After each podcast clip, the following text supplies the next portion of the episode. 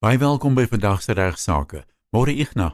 Goeiemôre aan al ons luisteraars. Goeiemôre aan Ian. Baie dankie dat jy weer eens u tyd spandeer om te luister na wat sê die prokureur of dan regsaake.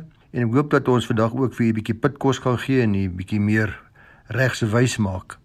Ek het vir Esmerie Mkelle geen 'n prokureur hier in Rustenburg gevra om bietjie vir my en vir ons program iets te sê oor Poupie en vir ons te verduidelik presies wat dit beteken. Want dis 'n regtige oorwinning vir die reg op privaatheid en uh, dankie aan haar.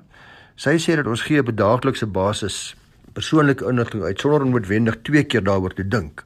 As jy toegang wil hê tot sekere persele, moet jy dikwels jou naam, jou van jou ID-nommer, jou selfoonnommer en jou motorregistrasienommer op 'n register skryf en uh, by ander persele kry jy toegang deur jou vingerafdruk te skandeer by die hek of by die deur.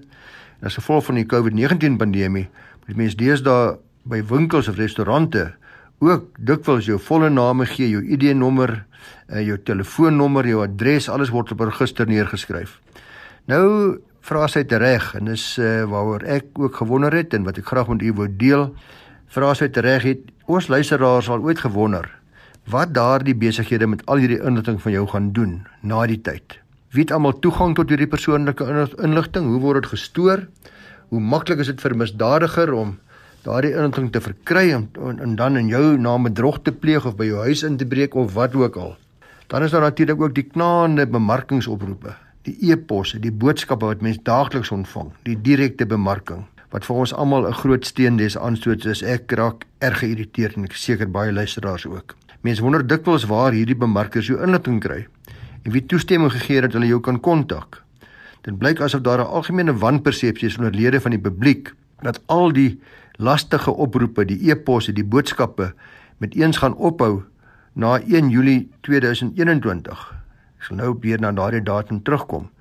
Ons moet dikwels die nuus breek aan mense dat dit ongelukkig nie heeltemal die geval gaan wees nie, want die POPI wetgewing, POPI Protection of Personal Information Act, het gedeeltelik in werking getree op 11 April 2014, maar die belangrikste deel van hierdie wet het op 1 Julie 2020 in werking getree en almal waarop POPI van toepassing is, moet voldoen aan die vereistes van die wet teen 1 Julie 2021. Dis waarom mense dink dat gaan al hierdie dinge, al hierdie frustrasies gaan ophou.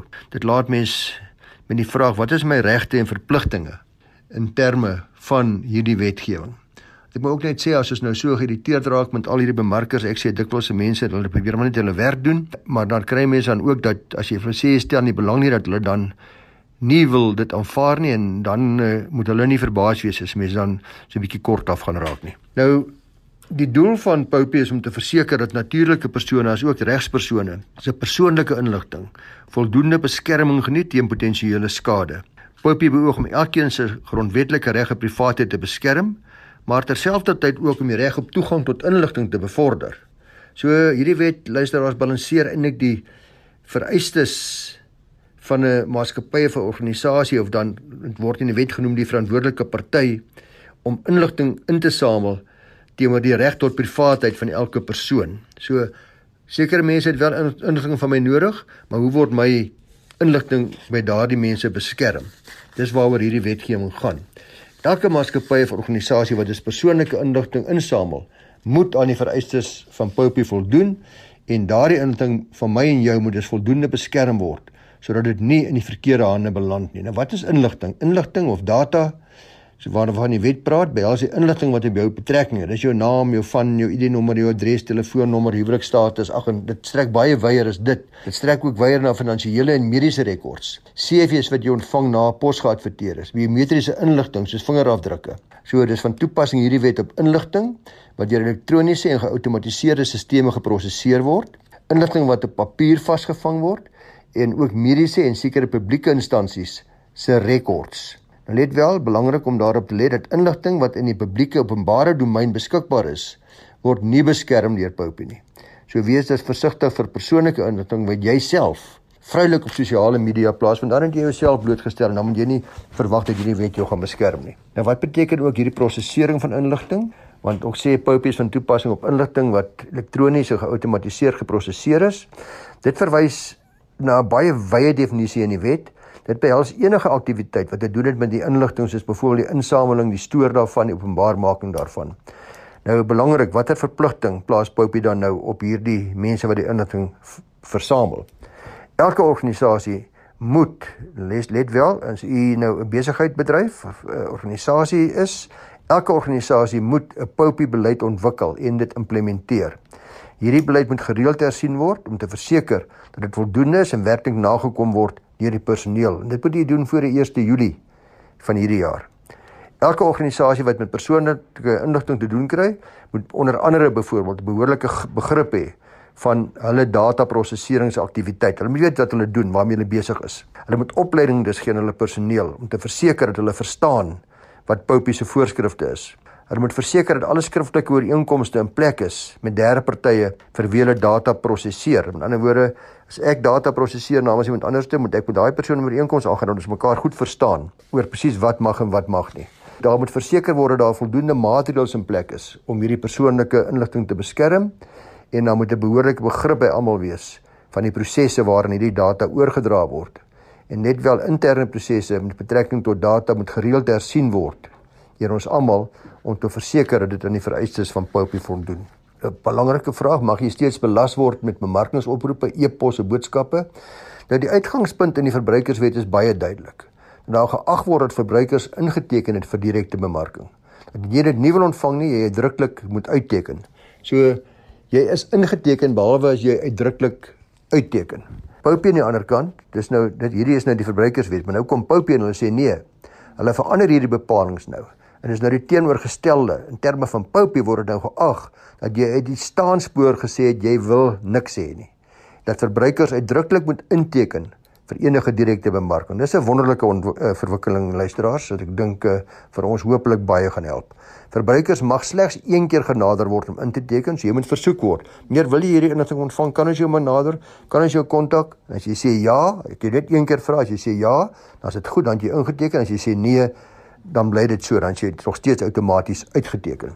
Indien die verbruiker 'n bestaande kliënt is en 'n organisasie reeds hulle persoonlike inligting gekry het en dis nou dis nou op hierdie stadium met die inwerkingtreding van Poppy, dan moet die kliënt nog eers weer die geleentheid gegee word om uit te teken. So my inligting is reeds by hierdie maatskappy. Nou sê hulle hulle gaan my nie kontak nie want ek is klaar ingeteken Icona. Hulle moet my eers nou weer 'n kans gee om te sê nee, ek wil nou liewers uitteken of ja, julle kan dit maar behou. So luisteraars, julle gaan steeds oproepe ontvang, maar hierdie oproepe gaan nou anders wees. Die doel van hierdie oproep gaan wees om jou toestemming te kry om verdere bemarkingskommunikasie aan jou te laat toekom. Dis belangrik dat jy die oproep antwoord en uitdruklik toestemming weier. Jy moenie net die foon neersit en nie verder gaan nie. Sê duidelik ek wil nie ingeteken wees nie. Ek stel nie belang nie want anders kan daardie organisasie jou dan weer kontak. Sodra jy uitdruklik toestemming weier, mag hulle jou nie weer kontak nie.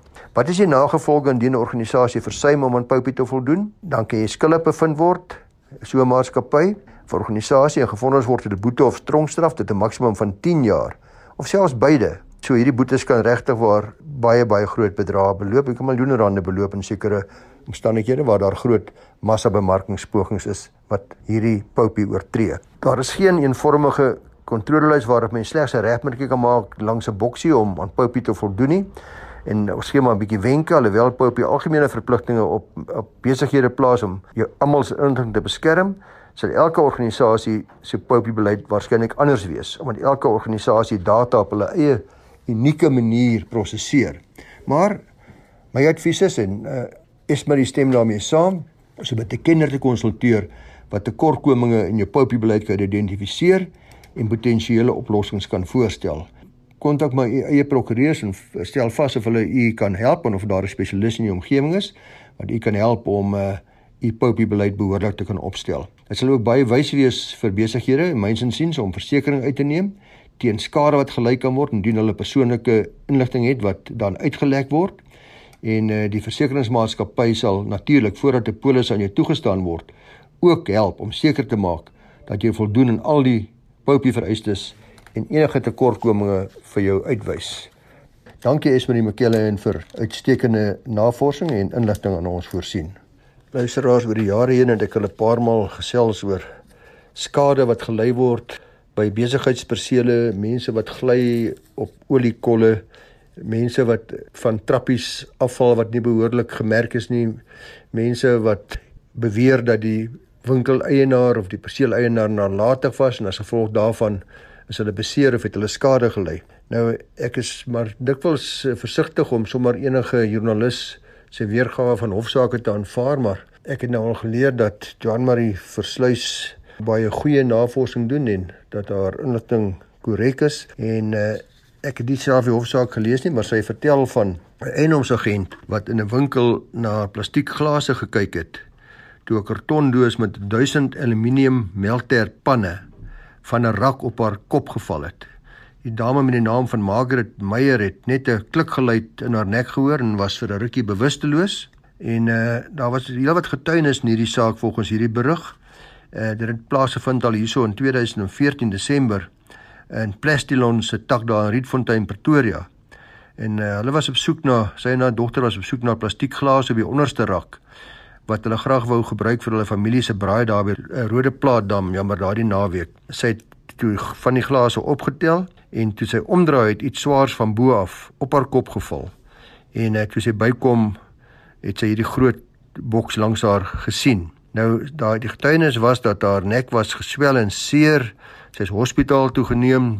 Die winkel Plastilon het aangevoer dat hierdie boks het op haar geval toe sy besig was om te poog om dit van die rak af te haal. Sy het uh, die bokse dus op 'n onveilige manier verwyder sonder dat sy haarself met betrekking tot die moontlike skade beskerm het. Eh, sy moes haar ouderdom in ag geneem het, sy moes haar fisieke kenmerke, haar krag in ag geneem het, sy het nie en uh, dit was hulle verweer teen haar eis. Sy natuurlik haar weergawe was heel anderste en sy het ook daarop aangedring dat hierdie boks geweeg moet word en dit het 'n uh, 9,08 geweeg, bitter bitter swaar. Sy het 'n foto daarvan geneem, is ook die stapels ander bokse wat op die rakke gepak was en uh, was duidelik dat hierdie boks redelik hoog was en uh, van waar dit op haar geval het. Regter Brenda Newcastle het bevind dat as daar na Maree se foto's gekyk word, dan dit is nou die dogter wat die foto's geneem het, Madeleine Maree. As aan daai foto's gekyk word van hoe hoog die bokse opgestapel was op hierdie rakke, dan is dit waarskynlik dat een van hulle nie reg of veilig gestapel was nie en toe omgetuimel het en op Margaret Meyer geval het. Plestin sê die hof het dus nie behoorlik toegesien dat hierdie bokse veilig gestapel was nie en was volgens die regter nalatig. So die Hooggeregshof in Pretoria bevind dat Plestin Packaging op wie se perseel die voorval plaasgevind het 100% aanspreeklik is. Daar's geen bydraende nalatigheid aan die kant van Meyer nie en eh uh, Meyer moet nog die omvang van haar skade in 'n volgende hofgeding bewys. Baie lang brief het ek ontvang van Bessel van Endo van hy bly daar in Jeffreys Bay en is duidelik glad nie lief vir eienaarsagente nie. Hy vertel hy gee my baie lang weergawe wat gebeur het met die verkoping van sy vorige huis.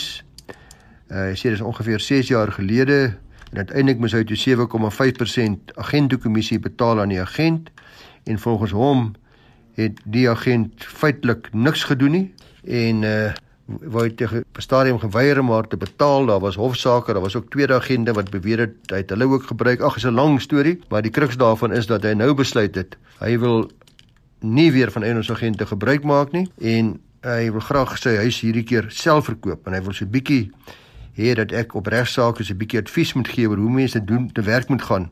As jy self jou huis moet verkoop en uh, of daar enige wenke is wat ons dalk kan gee wat die regsaspekte ook daarvan betref hy sluit af met die sinnetjie wat sê hoe moeilik kan dit dan nou wees? Nou ja Basil dit is sekerlik so dat dit moontlik is om mense huis self te verkoop. Agente kommissie by verkooping van vaste eiendom eis dikwels 'n groot hap van die verkoopsprys van jou eiendom en jy as verkoper is verantwoordelik vir jou agent se agente kommissie en dit is dikwels onderhandelbaar Ek weet daar's soms uh, agente wat bereid is om hulle kommissie bietjie te verminder en ander nie, maar enigiets so 7,5% is min of meer die nommers norm, soms 5% en soms selfs 10%. Maar dit is ook so dat baie verkopers probeer self verkoop gee. So ek gaan nie by die program sê dit is onmoontlik nie of onwenslik nie. Uh, ek wil jou ook nie ontmoedig nie, maar soos jy reg opmerk, is daar baie oorwegings wat mense in gedagte moet hou. Eerstens natuurlik kan mens vra nou, wat is mense eiendom werd? Is jy realisties met jou verwagtinge van waarvoor jy eiendom gaan verkoop? Ken jy die mark? Ek kan nou al sê dat in die verreweg die meeste gevalle van mense wat hulle eiendom self wil verkoop en bemark oor waardeer hulle hulle eie eiendom en dis dis belangrik indien jy wel jou eiendom self wil verkoop dat jy miskien net eers 'n vorm van 'n waardasieproses in die gang sit anderste gaan jy net jou tyd mors want uh, as die prys te hoog is gaan die eiendom nie verkoop nie. Dis wat markwaarde beteken. Markwaarde beteken die vraag en die aanbod ontmoet mekaar. Alles het 'n koper as die prys realisties is. En as jou prys te laag is natuurlik, kan dit ook wees kan jy ook weer vind dat jy 100 keer beter was om liewer 'n goeie agent te gebruik en dat jy nog steeds sou wen al moes jy die agentkommissie ook betaal.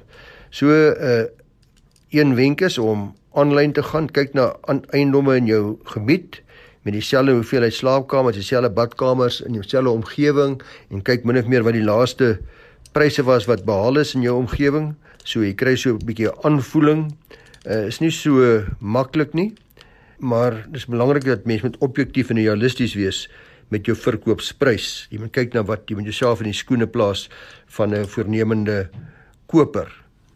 Mens kan ook natuurlik 'n agent vra om teen 'n fooi vir jou 'n aanduiding te gee van wat jou eiendom werd is deur te kyk na vergelyk vergelykende transaksies in jou gebied. En natuurlik eh, iets vir oorweging dink ek ons almal stem hopelik daarmee saam en dink in ons dorp begin dit nou so lyk ook dat Suid-Afrika is in 'n kopersmark wat ook beteken dat indien jou huis in 'n goeie gebied is dan uh dit waarskynlik gaan gebeur dat jy dit vir minder verkoop as wat jy gedink het dit werklik werd is. Dit is nou al vir die hele klompie jare so, hooplik is dit aan die verander. Mense moet my oor op die grond hou net hier wat eh, ten in, in die guns van eiendomsagente tel is dat hulle natuurlik elke dag in die mark is.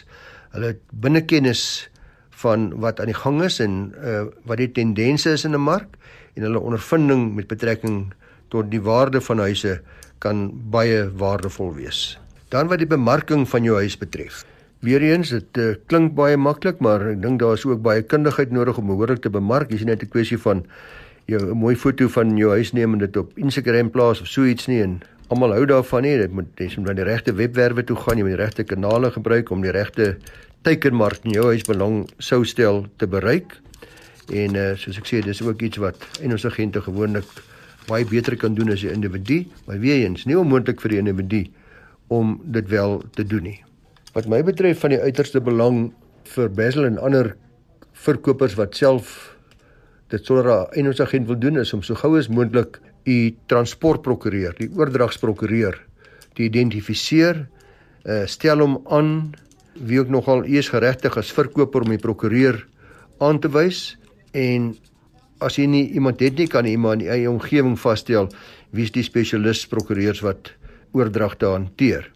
By my is daar geen twyfel nie dat as u 'n oordragprokureur aan die kant het wat vir u van advies kan bedien van tyd tot tyd, dit 'n baie besondere pluspunt is. Uh dit sal ook so wees wanneer u dan nou 'n aanbod kry van 'n voornemende koper, hou in gedagte dat as jy so aanbod aanvaar, dan stel dit 'n koopbrief daar, so vat so aanbod maar eers na hierdie prokureur toe wat u dan nou geïdentifiseer het om die oordrag namens u te hanteer, sodat hy daarna kan kyk en kan seker maak dat dit voldoen aan al die vereistes en dat u ook daardeur behoorlik beskerm word.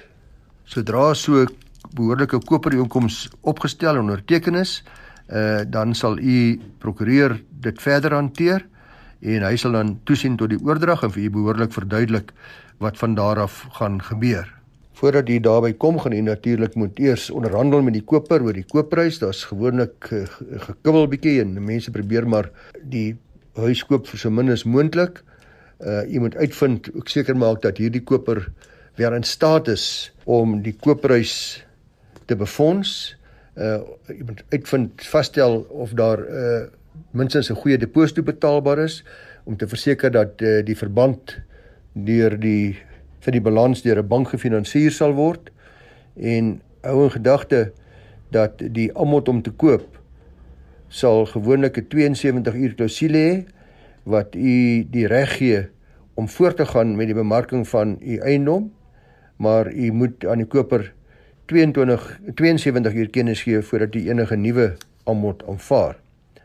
So u het nou die transportprokureurs aangestel wat dan nou die transaksie gaan hanteer en nou moet mens moet kyk na wat die voor en nadele is van om die huis self te verkoop of deur 'n agent. Eerstens wat voor klaar blyklik en voor die hand liggend is dat uh, jy gaan natuurlik baie meer beheer oor die prosesse as jy nie 'n eienaarsagent gebruik nie.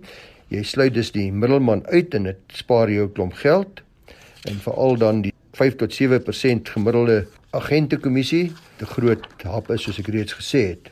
Die ander voordeel is dat jy's die eerste lyn van kommunikasie. Jy praat direk met die kopers en daar's geen moontlike misverstande wat as gevolg van boodskappe wat heen en weer gestuur word tussen die agent en die koper en die verkoper nie.